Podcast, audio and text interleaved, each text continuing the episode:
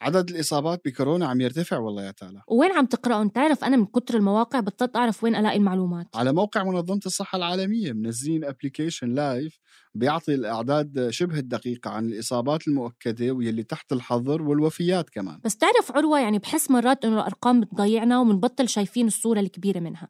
يعني لو قلت لي إنه مثلا اليوم مات 600 واحد ما رح أقدر أكون صورة عن اللي بيصير غير لما تقارن لي هالرقم بأرقام سابقة مثلا أو تحكي لي عن نسب الدول المتأثرة. يعني بالآخر رح أحتاج لقصة مكتملة لحتى أفهم الرقم.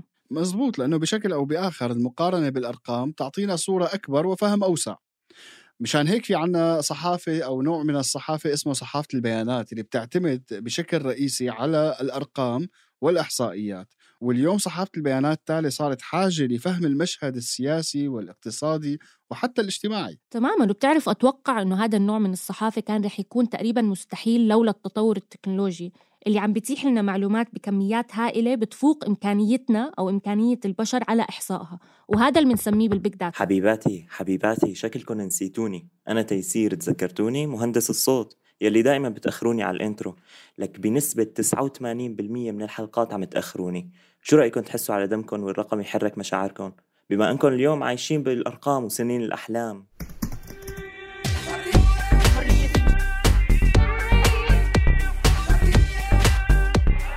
أنا عروة. وأنا تالا. بنقدم لكم بودكاست حرر من إنتاج صوت.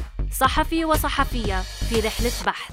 أنا أستاذ قلم سأكون معكم رغما عن تالا وعروة. تعرفي تالا حتى وأنا عم أقرأ هي الأرقام بضل في عندي شك فيها. بحس إنه الحكومات أو المنظمات ممكن تتلاعب بالأرقام حسب ما بتستدعي مصلحتها. مزبوط عشان هيك بحس إنه لازم دائما يكون في شفافية ومحاسبة للجهة المسؤولة عن تصدير المعلومات ولازم يكون في تنسيق وتعاون ما بين الإعلام والمؤسسات العامة. وهي هي المشكلة لأنه التنسيق صعب. وصار في حاجة للتنسيق حتى بين الدول.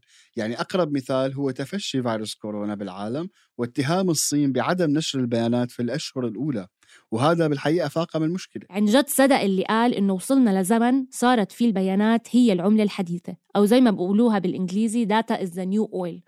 وعن جد انتقلنا من مجتمع صناعي لمجتمع معلوماتي بحت بتقوم فيه الحروب والمشاكل على أساس المعلومة. خلينا نعمل فنجان قهوة. ونتحدث مع الصحفي عماد الرواجدي يلي ممكن يفيدنا أكثر في فهم هذا النوع من الصحافة. تفضل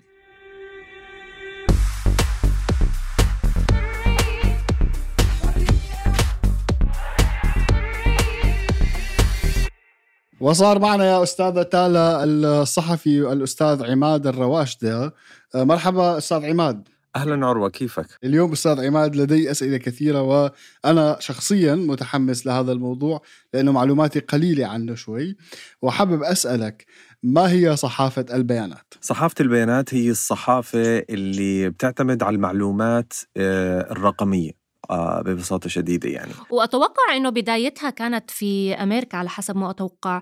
وكمان آه، البداية تاعتها قائمة على آه، ظهور ال big data أو المعلومات المتوفرة بكم هائل. فهل ممكن تحكي لنا أكثر عن بداياتها وعن آه، مصطلح ال big data وشو علاقته بصحافة البيانات؟ طبعا يعني هذا النوع من الصحافة بلش زمان وبعض المؤرخين بيرجعوا لزمن بالخمسينات لما كانت إحدى القنوات الأمريكية ال CBS لما قررت إنه تتابع نتائج الانتخابات الأمريكية بناء على أرقام.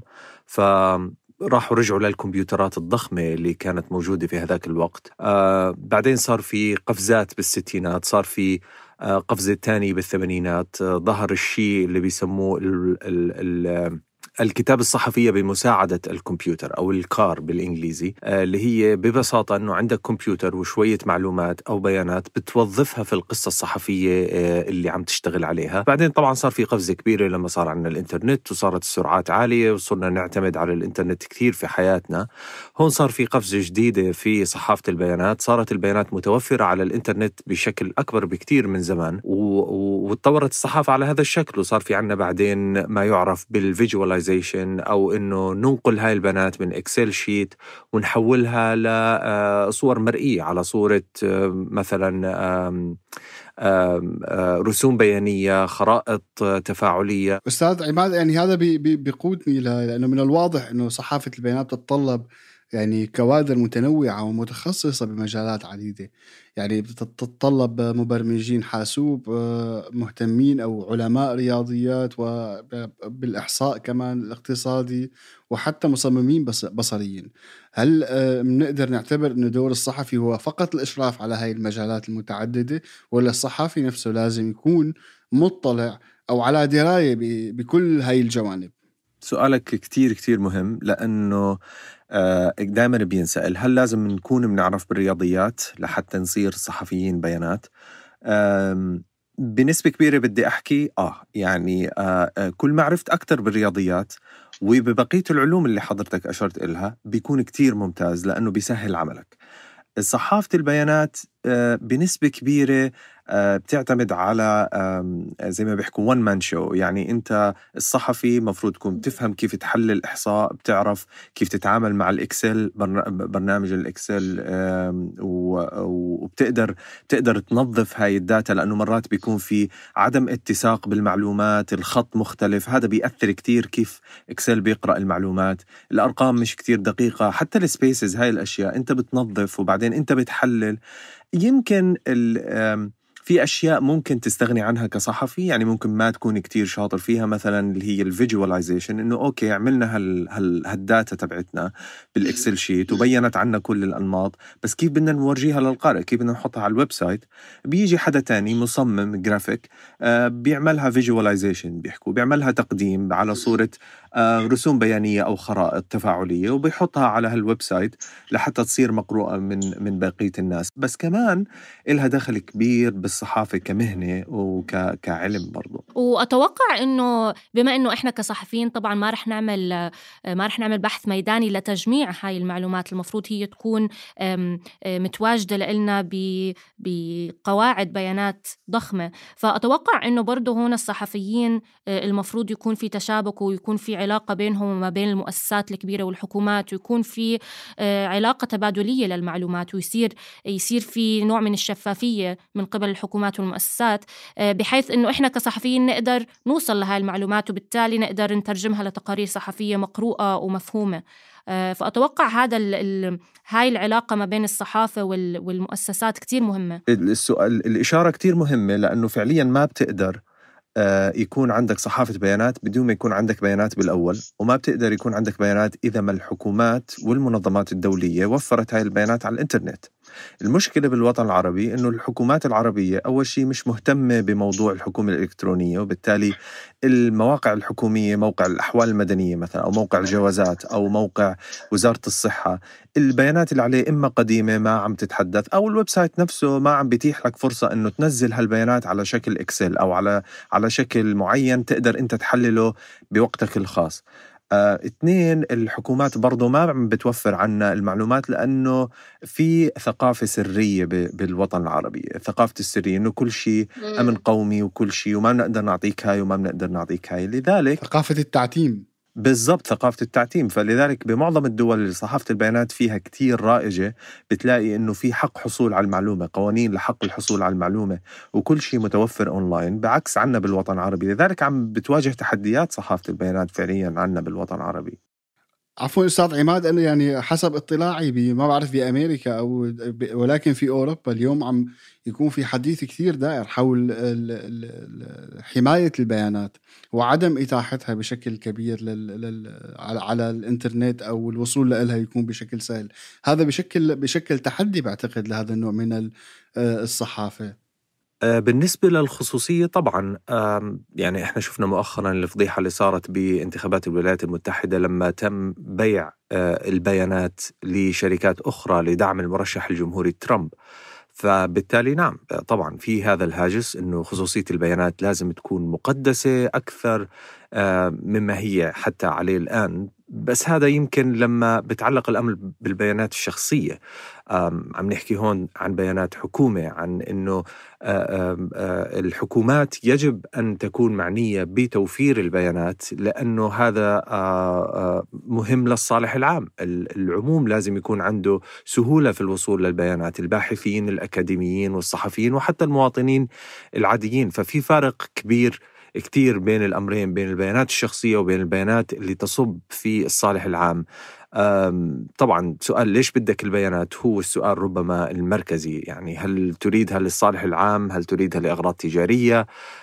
لحتى تخترق خصوصيات الآخرين وتبتزهم. هذا برضه بيلعب دور في موضوع ال- الخصوصية وصحافة البيانات آه، و- وموقفنا الأخلاقي ربما والمهني من الموضوع. مم، أتوقع في. كمان تحدي يعني آخر غير آه، آه، آسف عروة غير ال- الثقافة التعتيمية اللي حكى عنها عروة. أتوقع التحدي الآخر هو صدق هاي المعلومات. يعني أوكي لنفترض إنه الحكومات مثلا صارت تصرح عن المعلومات.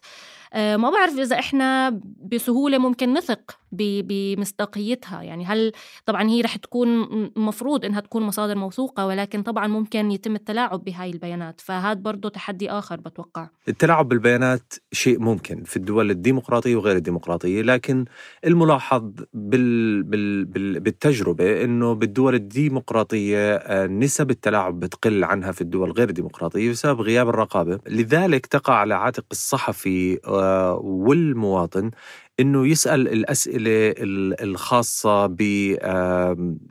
بالمنهجيه اللي تم جمع البيانات من خلالها أو ما نسميه بال metadata آه، هاي الأسئلة ال- التقليدية اللي بيسألها الصحفي لما بيقابل مصدر بشري ببساطة لما بتقابل مصدر بشري بتسأل حالك إنه شو الدافع لهذا المصدر البشري؟ يحكي معي. آه، مين هو هذا المصدر البشري؟ شو شو الخلفية؟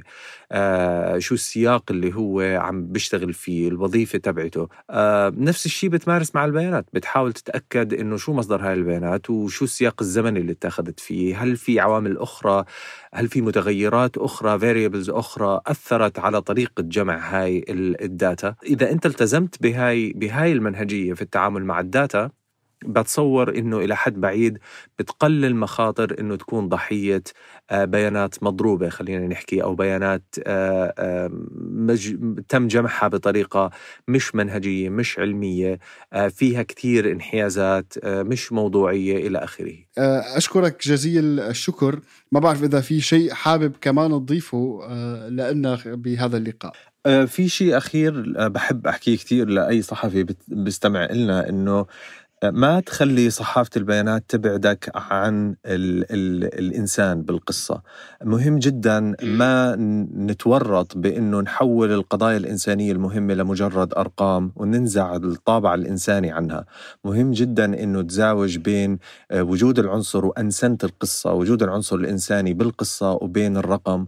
ومهم جدا إنه توضح إنه هذا الرقم بيخفي وراه حياة بني آدمين وتاريخ و... و... و...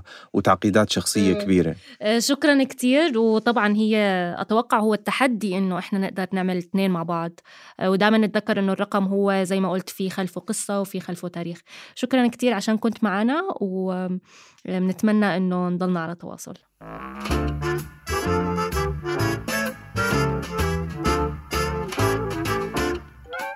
يا الله والله لقيت على قلم. وينه؟ صار له أكثر من يومين ما عم برد علي. أنا كمان حاولت أتواصل معه بس ما عم يمشي الحال. وهو أساسا صار له أكثر من يومين راجع من نيكاراغوا. نيكاراغوا؟ شو بيعمل هناك؟ عم يعمل مخلل ويصدر على دبي. عم امزح معك ما بعرف والله. نيكاراغوا؟ وقبل يومين معناته أكيد أخذوه على الحجر الصحي. يا الله منك يا قلم هلا كيف بدنا نعرف وينك؟ بتعرف عروة لازم الدولة تصرح بالأسماء. خلي العالم تطمن على معارفها يا أخي. كيف يعني؟ بس هي خصوصية. يي صار لك ساعة عم توعظ بأحقية الحصول على المعلومة وشفافية المؤسسات العامة. خصوصية مين؟ لك ما هيك القصة. ما سمعتي عماد شو قال؟ لازم تميزي ما بين البيانات العامة والبيانات الشخصية. يعني كمان مو معقول إنه كل الأردن تعرف أسماء الأشخاص المصابين أو المحجور عليهم. بس أنا هي استنى استنى هاي قلم بعت لي. مرحبا يا جماعة. كيفكم؟ حبيت أطمنكم عني. حطوني بالحجر الصحي بعد ما رجعت من نيكاراغوا.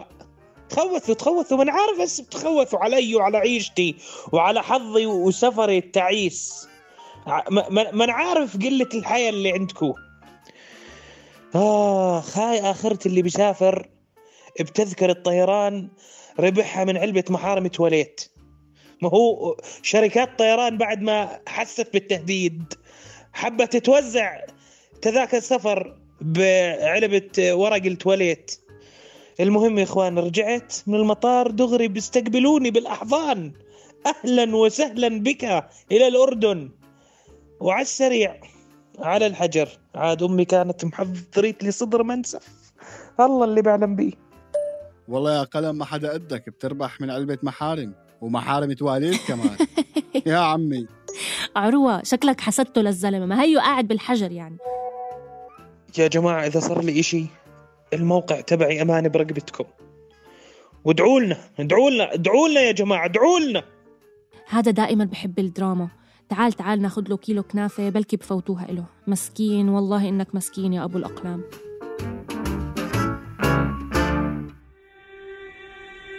كنا معكم من الإعداد والتقديم عروة عيادة وتالا العيسى ومن الأداء الصوتي مؤيد حداد ومن الهندسة الصوتية تيسير قباني. النشر والتوزيع تولته مرام نبالي وجنى قزاز. تابعونا في الحلقة الجاي. وإذا حابين تتلقوا تنبيه أول ما ننشر الحلقات القادمة ما تنسوا إنكم تضغطوا على زر الاشتراك أو تعملوا subscribe بقناة حرر على تطبيق البودكاست اللي بتسمعونا عليه.